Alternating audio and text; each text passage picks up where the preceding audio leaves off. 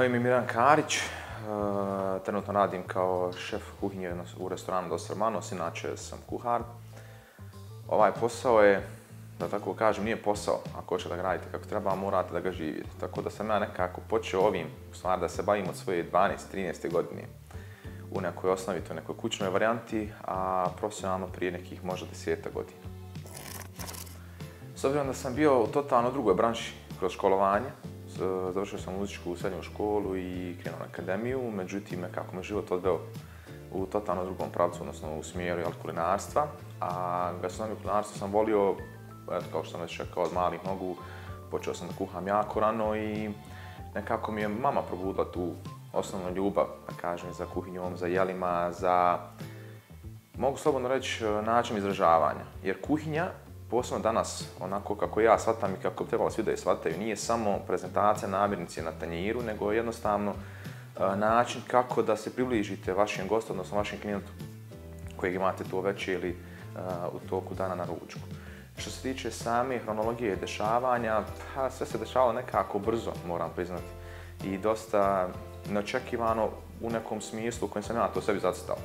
Dakle, imate neke ono kratkoročne ciljeve, šta bi se želio da budete kroz dvije, kroz tri, pet, deset godina. Ja sam nekako uvijek želio da budem na poziciji gdje sam sad. Iskreno nisam očekivao da će to biti tako rano i tako brzo kao što su stvari izdešavalo. Nekako to okolnosti u životu me upravo doveo na poziciju gdje sam sad. Naravno, puno truda, puno rada, dosta odricanja, vrlo posebno mlađim nekim godinama dok većina ljudi želi da izlazi i da, da se provodi. Ja sam nekako tražio knjige, čitao, išao po restoranima, po objektima, učio, radio praksu, dosta puta i besplatno. Jednostavno ukradeš to znanje. Danas smo mladi kuhari, mladi, mladi kolege imaju puno bolju priliku jer s obzirom da nam fali ovo kadra uvijek, uvijek fali dobro kadra, ali i dosta često damo prilike mlađim ljudima da se dokažu, da se pokažu i da uči ako žele. Prije nekih, jel, 7, 5, 10 godina toga nije bilo baš toliko mnogo i starije kolege su malo više kile to znanje, tako da smo morali krasti i graditi sebe kroz, kroz, samu kuhinju, odnosno praviti svoj stilo. Što naravno nikad i ne prestaje, jer ako želiš da budeš uspješan ovom poslu, moraš da radiš do dana kad prestaniš. Što se tiče izazova, Ehm, najveći izazov je, u stvari, najveće odricanje mogu reći da je bilo upravo promjena kompletne karijere. Jer 15 godina se školuješ za sasvim jednu stvar i čitav si život podrijedio tome. Naravno, paralelno tome svemu sam ja uvijek želio da, da učim što, sve što se tiče kuhnje i gastronomije. Međutim, kada ste, mm, znate svi sami kako u stvari funkcioniše današnji život, nekako prododiliš sebi ciljeve, onda ideš ka tome. Međutim, kad se desi prekretnica u sredini toga, ponovo počinješ iz početka sve, upoznaješ nove ljude, ulaziš u novu branšu, novu struku gdje su, gdje, gdje da kažem, drugačija, e, drugačiji sistem rada, način rada, sve drugačije, nekako je najveće možda odlicanje bilo upravo to, gdje sam ono da kažem, bacio niz što bi se reklo, sve tije godine školovanja. Međutim, ne mogu da kažem da nije iskoristio, zato što upravo način razmišljanja koji sam recimo koristio svirajući violončelo ili kroz samu, e, samo školovanje kroz, rad, kroz muziku mi je dosta eh, pomoglo u ovome poslu. Samim tim što gledaš korak naprijed. Jer ti kad pratiš melodiju uvijek moraš biti jedan takt minimalno ispred, tako da ne razmišljaš o onome što radiš. To jeste najbolje u ovome poslu. Dok radiš nešto ne razmišljaš više o tome, već razmišljaš sljedeću stvari koju ćeš obaviti. Tako da to jako puno pomaže u samoj koordinaciji posla, u organizaciji, u svemu. A što se tiče izazova, pa bilo ih je mnogo od kuhanja za neke poznate ličnosti do, do organizacije. Možda najveći izazov jesu organizacije nekih jako velikih venata. E, kada se bazirate na posao u nekom restoranu ili hotelu, većinom imate, u hotelima recimo imate zacrtane sebi te neke, da kažem, dnevne planove.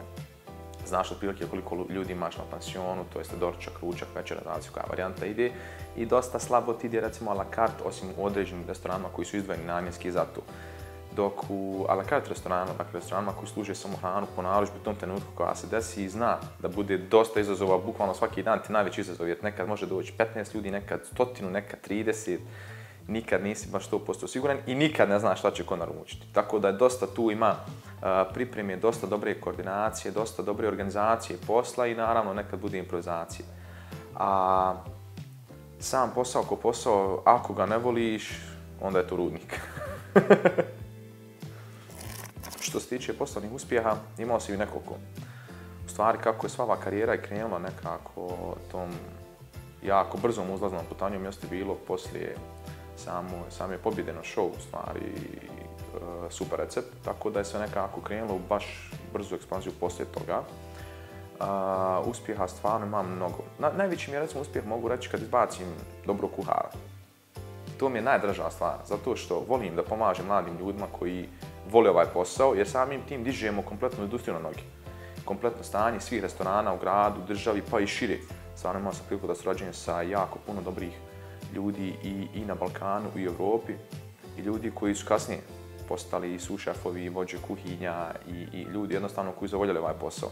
Jer nemalo se dešava situacija da ljudi zamrze ovaj posao. Jer upravo kao što sam već ako ne voliš onda je rudnik, jer je dosta vruće, vlažnost je uvijek 100%, ta temperatura je 40-50 stepeni, stres, nervoza.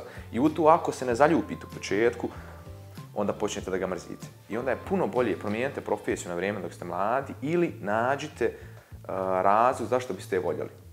Znalo mi se desiti da mi su neka oba ljudi prebrnu da ne žele više to da radi, promijenu mišljenje, dok mi se znalo desiti par puta da sam imao momke koji stvarno probudiš im ljubav ponovo ka tome, jer nekako su međuvremenu u toj kolotečini, to je naj, najgora stvar za kuhara, kad imaš kolotečinu, kad nemaš mogućnost kreativnog stvaralaštva, kad nemaš mogućnost svog izražaja, što u stvari jeste na kraju najbitnija stvar.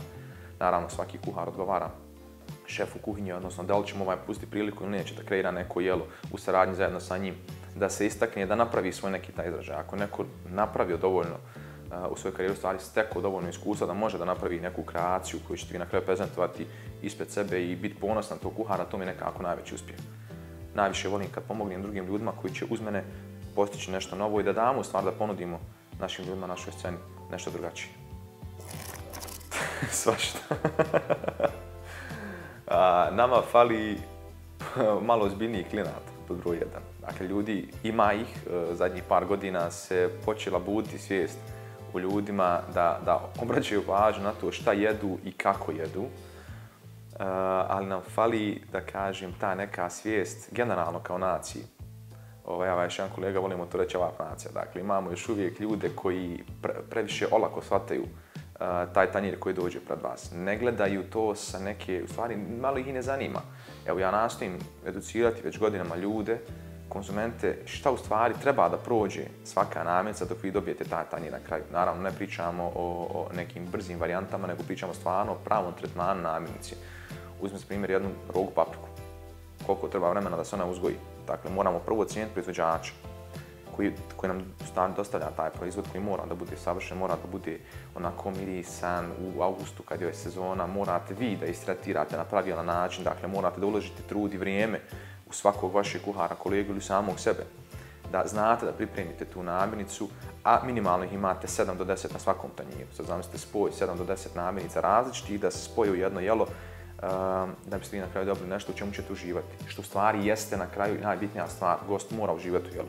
Ako ne uživa, kuhar nije napravio ono što je trebao. Dakle, nije bitno samo sjest po stranu, nego morate jednostavno E, da osjetite sve okuse, da uživate u tom tanjiru, da li uz neki sok ili čašu vina ili viski, na kraju konjak, ali e, to je nekako ono možda što nam fali, taj, taj prostor za uživanje u hrani, u večerama. Još uvijek nemamo baš previše naviku izlaziti po restoranu, Da li je sad to e, gledajući s ekonomske strane ili je, ili je problem ili je u stvari problem samo u toj svijesti. Imamo, imamo stvarno klijentelu koja može i da izdvoji Sad znači, moraju to da budu neki najskupi, najvsredniji restorani, ali jednostavno fali da se ljudi malo više potrude oko prezentacije i da ponude nešto novo i na kraju mislim da će jednostavno doći kroz godine i vrijeme kada će ljudi početi više da cijene i ovo zvanje i ovaj posao i samu, samu kulturu kulturu jedenja van, da kažemo, odnosno u restoranima, odnosno kulturu hrani. Generalno, kada su u pitanju kombinacije, svi mladi kuhari griješe oko jedne osnovne stvari. Svi stavljaju previše začina u sve. Najbitnija stvar je namirnica koju ćeš ti uzeti tretirati. Bilo da je paradajz, bilo da je paprika, bilo da je luk, krompir, dakle od luka.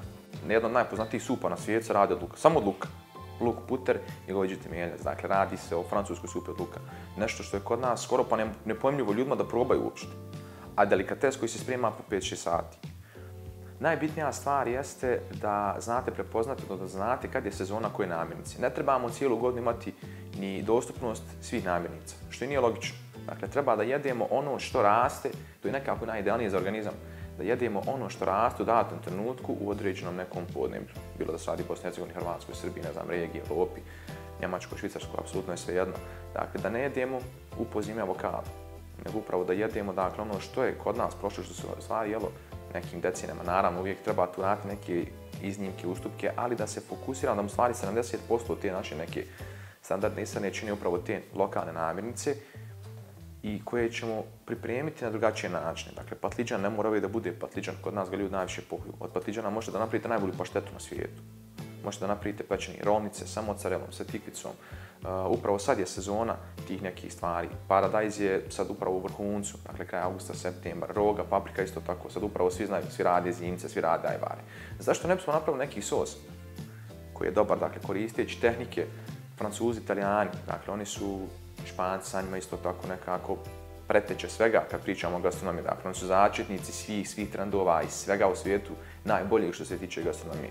Najbolji kuhari, najbolje knjige, najbolja organizacija samog tanjira. Kod italijana recimo, u stvari, moj stil može se tako nekako i, i, i nazvati pro-italijanskim, zato što upravo mi je najbitnija stvar maksimalna iskoristivost namirnice na tanjiru. Nije bitan kvantitet, nego kvalitet namirnice koju jedete. Dakle, ne morate vi pojesti po obruku kilogram hrane ili 700 ili 500 grama, možete pojesti 300 grama da budete sasvim zadovoljni, 200. Jedete prvo očima, onda jedete njuhom, pa tek onda jedete ukusom. Naravno, zbog ukusa se na kraju vraćate ali ako vama jelo ne izgleda privlačno, nećete ga ni probati, odnosno imat ćete tu neku već startnu averziju prema njemu. Tako da je najbitnije iskoristiti sezonsku namirnicu, ali na pravilan način. Nemojte prekuhavati ne nemojte prepržavati ne nemojte dakle, pretjerivati za termičkim obradama kojima smo inače skloni. Dakle, ljudi na Balkanu inače pretjeruju u svakoj termičkoj obradi svega, od ribe pa nadalje. Dakle, riba osnovna stvar, najjednostavnija, treba je 3 do 5 minuta, ako pričamo o porcijskoj ribi 10, a nekoj većoj, do sata, ako radimo baš u velikim komadima. Ali vi kad ne možete dobiti ribu od kosti, to znači da je prepečena, da ste je uništili i to je stvarno što bi ja volio da kažem šteta. Gdje na kraju propastite namirnicu oko koje se neko drugi trudio. Znaš kako, najveća, najveće, najveća, da kažem, fama oko toga svega jeste kad sretnete, ne znam, djevojku ili ženu od kuhara ili nekoga, jo kao blago tvoj ima, ti kuhaš kući. Ovaj, da mi svi radimo jako puno i zalažemo se dosta, dosta na svojim poslovima. Prvo, vrlo malo vremena provodimo kući, bilo da ste oženjeni ili niste i nekako najmanje kuhate. Za sebe ne kuhate nikad. Dakle, za sebe jelo ono nešto napraviti nikad, uvijek ćete ga praviti za druge, zato što volite da gledate izraze ljudi. Nekako smo mi svi u jednoj dozi agomanijaci, uživamo u tome da zadovoljavamo druge ljude na taj način, da, da jednostavno voliš da vidiš osmijeh na licu nekoga koji jede vašu hranu, tako da ćeš spremati samo sa sebe, nema, nema pojete da spremaš. A da li kuhamo kući rijetko kad? Obično to kada dolaze neki gosti ili prijatelji, ali ovako na dnevnoj bazi dosta, dosta rijetko, samo u nekim specijalnim prilikama koje sam već rekao, dosta nas nema kući, a i kada jesmo, obično to neko radi za nas. Pa generalno ne možeš izdvojiti jedno jelo. Kod nas su sva jela i pocijenjena i precijenjena. E, recimo, možda najpocijenjenije jelo bi bile klepe. Zato što uzmi obzir koliko vremenski treba, ne znam, ko je od vas generalno pokušao ikad napraviti klijepu. Znači, Klijepa je nešto jako malo i nešto za što treba jako puno vremena. I znam se obzir da ti praviš recimo 500 do 1000 klijepa dnevno. Recimo možemo da stavimo neku ekvivalentu sa, da pućemo liniju sa novopatarskim mantijama. Jer sam imao priliku da ih učim, da, da, da ih radim. I upoznao sam žene koje napravije 7 do 15.000 komada dnevno. Svaki dan, 365 dana u godinu.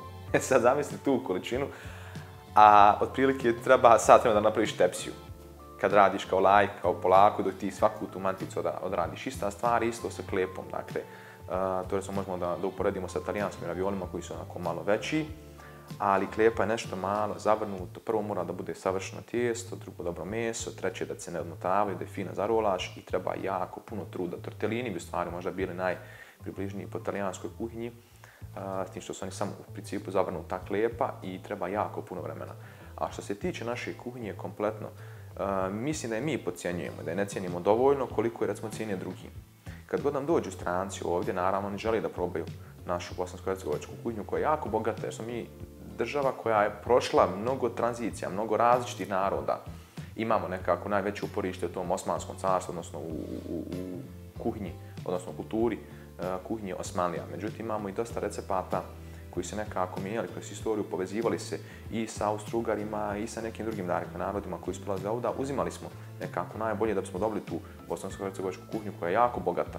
Međutim, jedan univerzalni osnovni problem jeste predugo, preduga priprema. Kod nas u bosansko-hercegovačkoj kuhnji ne postoji nijedno tradicionalno jelo koje se sprema ispod sat dva, što znači da žene koje su pripremale tu hranu su provodile po cijeli dan u kuhnji po 4, 5, 6 sati, čak i njih nekoliko, da pripremite neke sofre, ručkove, večere, dorčke, koji su bili baš onako obimni, dosta jaki, dosta masni, jako puno iskuhavanja. E, puno se jelo meso, stvari smo generalno jeli i meso i povrće u nekoj e, podjednakom omjeru, dakle nismo bili samo baš toliko mesaroški nastrojeni, ali se sve te stvari po mom viđenju mogu prepakovati na modernu varijantu, da zašto ne bismo imali neke moderne restorane bosansko-hercegovačke kuhinje gdje će naši lokalni stanovnici prepoznati upravo to, pa dođe probaju taj hađijski čevap ili sitni čevap ili sogan dolmu ili neku šarenu dolmu na malo drugačiji način. E, nedavno smo imali jedan ekspo u Bugarskoj, kolega Nihad ja, gdje smo stvari prezentovali bosansko-hercegovačku kuhinju u finger food varijanti, gdje se japrak motao pincetama, veličine ko vrh prsta, radili smo sogan dolmu isto punjeno pastrmkom, što je bio hit. E, neke malo drugačije malo drugačiji pogled u stvari na našu tradicionalnu kuhinju koja vrlo jednostavno može da se prepakuje u da kažem, neki najviši nivo mišljenja i star restorana bez ikakvih problema. Ali moramo jednostavno da više cijenimo, da, da cijenimo naše korijene. Mislim da definitivno ne puštujemo dovoljno uh, našu tu, naše nasljedstvo. Sve nam je nekako tuđe puno bolje nego ono naše. I mislim da smo mi baš specifični po tome i da, jednostavno moramo da počnemo malo više da cijenimo upravo tu namirnicu o čemu cijelo vrijeme pričam, lokalnu namirnicu, jednostavnu i da je prezentujemo na, nova, novi bolji način, isto tako našu kompletnu kuhinju koja je stvarno bogata, jako dobra, a sada izdajemo jedno pojedinačno jelo pa i ne mogu baš. Međutim, mislim da ih je dosta, dosta zaboravljeno, dosta zapušteno, jer upravo to je ljepota Bosne i Hercegovine. Imao sam priliku da je proputujem od, od granice do granice, dakle od, od sjevera do juga, od istoka do zapada i da vidim u stvari koliko se svaka regija naše države bilo da se radi o Krajini ili da se radi o Hercegovini, da se radi o Poslani, svejedno, uh, koliko u stvari svaki dio naše države ima dobrih recepata za koje ljudi drugi, iz, te iste zemlje mi smo dakle jako mala država sa 3-4 milijuna stanovnika gdje jednostavno ljudi ne znaju upravo za, za, za jela, recimo poslanci ne znaju baš toliko jela iz Hercegovine i obrnuto od recimo jagulje koja je bila i žablji bataka koji su bili delikatesa i specialitet Hercegovine koji se danas služe možda par restorana ili čak možemo nabrati na prste jedne ruke. A te recimo iste stvari su u Francuskoj hit. To je, to je dakle, baš ono, onako gurmanski. Uh, od recimo najjednostavnijeg, najjednostavnije brizli, što je stvar privlačna sličana žlijezda. Kod nas kad spominjete posebno mlađim generacijama, to je ono kao fuj, bljak. Dok je recimo to jedna od najvećih delikatesa isto tako francuske kuhinje, Italijanski. Neke jednostavne stvari koje su izgubile uh, kroz, kroz generacije, a koje se mogu pripremiti. Imao sam jedan uh, fine dining event gdje su ljudi, nisu znali šta jedu, do trenutka kad završu sa objetom. Upravo, između ostalog, s prezentovane brizle za koji ljudi nisu znali šta je i teleći obraz koji kad se iskuhaju u mlijeku i puteru sa malo rozmarina. Ništa mekše i ukusnije u životu nije ispojao. A uparivanja sa vinima su bila perfektna. I u stvari tek na kraju nisu znali, lijepo prezentovano, lijepo obrađeno. I tek na kraju kad su sve to upojili, kad su bili oduševljeni, sam rekao u stvari šta su jeli, i teleći jezik ne smijemo da zaboravimo između ostalo.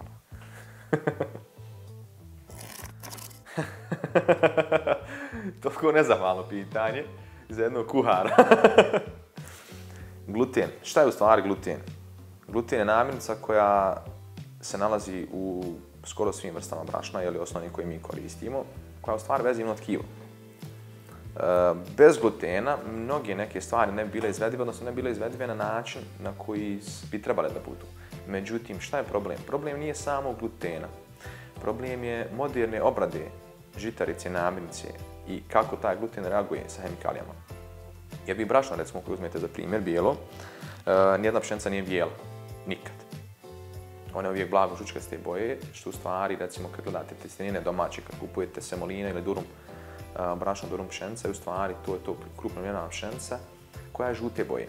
Međutim, da bi se maksimizirao dobit, maksimizirala dobit iz samog tog brašna iz pšenice, da bi se u stvari poboljšala njena svojstva, da biste vi uvijek stvari dobili najprozračni hljeb koji možete nabiti u 300 grama kilu, to je u stvari to. Mora da prođe proces izbiljivanja i hemijske obrade, isto kao nažalost većina hrane koja se može pronaći danas. Međutim, mi imamo sveću još uvijek da nemamo veliki, e, veliki postotak takve hrane na tržištu. U svijetu je u stvari da kažem, ono većoj, e, većoj varijanti nego ona zdrava. Ali, gluten sam po sebi u ograničenoj količini je ok, međutim morate da gledate u stvari samo porijeklo namirnice i šta godi vašem organizmu. Prerađeni gluten, probajte recimo da uzmete brašno koje je e, organskog porijekla, bilo koje pšenca, raž, ječam, heljda, šta god želite i probajte da uzmete bilo koje industrijsko brašno koje je slične ekvivalente. Uporedite ga samo izgledom, a onda isto i kvalitetom. Jer to je u stvari to problem samog glutena, u stvari problem tog glutena jeste nekako ono problem ti bijeli smrti, bijeli šećer i gluten u stvari osnovne, osnovne varijante što je u stvari problem, što stvara problem ljudima organizmu jeste prekomjerne količine unosa istih tih narodnica. Gluten se nalazi apsolutno skoro u sve jednom proizvodu koji možete kupiti, šećer se nalazi u sve jednom proizvodu. Od šminke pa nadalje. Mislim, ono kao vezivno tkivo, glukoza, neke varijante. E, najodvratnija stvar definitivno koju sam ikad vidio u ovom poslu je bio glukozni sirup. E, to je u stvari, da kažem, banalizirano sirup kad se, kad se u stvari dobije šećer, odnosno kad se izdvoji masa iz uh, šećerne repe, dobija se melasa i dobija se glukozni sirup. Stvar, ta melasa je najzdraviji zaslađivač na svijetu, to je u stvari ono što se izdvaja iz smeđeg šećera takozvanog, a glukozni sirup je stvarno taj proizvod koji ostaje i on se koristi masovno za proizvod slatkiša, sosova, pahuljica, svega, apsolutno čokolada. E, taj glukozni sirup je nešto što je jako ljepljivo, nešto između sekundarnog ljepla i silikona. e sad, što se tiče trendova u gastronomiji, o tome mogu pričati jedno dvije godine. Mi, sad ću reći, nažalost i na sreću, kaskamo za ostatkom svijeta. Zašto, nažalost? Zato što nemamo još uvijek dostupne, recimo, sve tehnike i tehnologije koje se mogu pronaći u svijetu, a koje kod nas realno možda čak i ne bi prošle zbog načina naplati. Trenutno hit u svijetu, odnosno nije sad trenutno na zadnjih desetak, sigurno 15 godina, međutim kod nas to tek poslije da bude prepoznato zadnjih par godina, jesu restorani molekularne gastronomije. Međutim, šta je molekularna gastronomija? E, to je u stvari banalno rečeno, uzmanje jedne namirnice pretvaranje u drugu. Po meni, i to je jako lijepo kada pričamo o prezentacijama, o fotografijama i svemu ostalom. Po meni osnovni, osnovni problem toga jeste zašto. Ako imaš predivan svježi igrašak, a sad je opet to, moram se vratiti na drugu temu, način odrastanja, odnosno način gledanja eh, i poštivanja same namirnice, bilo da se radi o mesu ili povrću.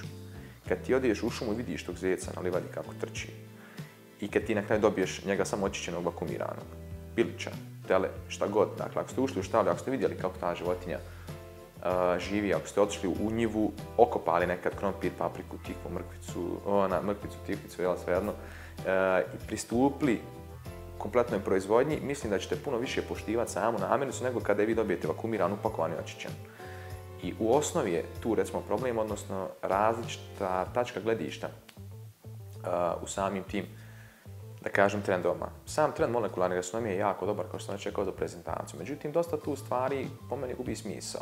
Koristi se jako puno hemije, koristi se jako puno, puno tehnike u spravljanju tih jela gdje vi na kraju dobijate nešto što nije više to to. Uh, u prezentacijama su jako dobre. Mogu se iskoristiti detalji i dizajni, dizajni stvari koji se koriste uh, u tim tanjima, recimo neke kreme, neki pirej koji se mogu raditi puno i lakše, i jednostavnije da se prezentuju na našim tanjirima i možda je to nešto što bi stvarno volio da malo više vidim, da se ljudi potrudi oko, oko samog tanjira, što bi rekao moj prijatelj, da crta malo po tanjirima. Da nije to samo istrijesi pola priloga, pola mesa i serviraj, nego da su stvari malo povede računa oko ljepše obrade same te namirnice, da na kraju idemo ka toj je varijanti u redu i okus, ali hajmo sad malo i poraditi na prezentaciji. Trendovi e, moderne prezentacije hrane bi se morali malo više pratiti kod nas, ali opet to dovodi do krajnjeg tog nekog konzumenta i mora se uzeti obzir naravno i cijena tog tanjira na kraju koji se prezentuje od samog tanjira, objekta u kojem se nalazi ti čovjeka koji vam spravlja to jelo, ne može da bude baš isto kao kada jedete u nekom tradicionalnom stranu, što naravno, opet se vraćam na tu temu, treba da imamo u ponudi, ali moramo da ga malo prepakujemo, ne mora da to da bude previše kompleksno. Samo sad, kao što kaže, da ne idemo previše iz krajnosti u krajnost.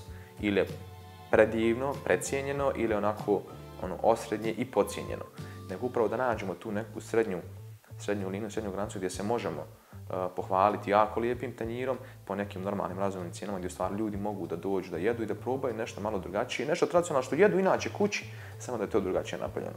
Mrkva, koja je najbanalniji primjer, e, možete napraviti jako dobar pire od nje, jako dobru krem, mm, takozvane gelove uz dodatke, malo želatine, nekih osnovnih prirodnih stvari, e, da jednostavno prepakujete, a da i dalje imate okus mrkve, izgled mrkve, boju, i neprekuhanost. Dakle, postoje sad recimo tehnike moderne koje se mogu koristiti tipa suvija, suvi stvari kuhanje u vakumu na kontrolasanim temperaturama.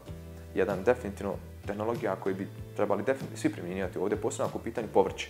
Puno jednostavnije. Nema iskuhavanja u vodi, ne gubiš boju nikako a svi okusi ostaju jer je vakumiran, nema gdje da izađe. I radi se na temperaturama od 60 do 90 stepeni gdje u stvari ne ubijaš nutrijente hrane. Tako da jedeš puno uh, nutritivno bogatiju hranu nego inače što bi jeo. Tako da možemo da, pratimo neke svjetske trendove, a to što sam već rekao, jeli, nažalost i nasreću, nasreću je što se sad svi u svijetu vraćaju toj nekoj osnovi, originalnosti. Da sad većina najboljih restorana u svijetu ima svoj vrt da uzgaja sve svoje organsko povrće, da više nije bitno da je svaka mrkva identična, da je svaki krompir iste veličine, da je svaka paprika savršena, nego upravo da imate crva koji je ušao u to povrće, jer onda znate da je da nije genetski modificirano, da je prirodno, da je, da je upravo zdravo.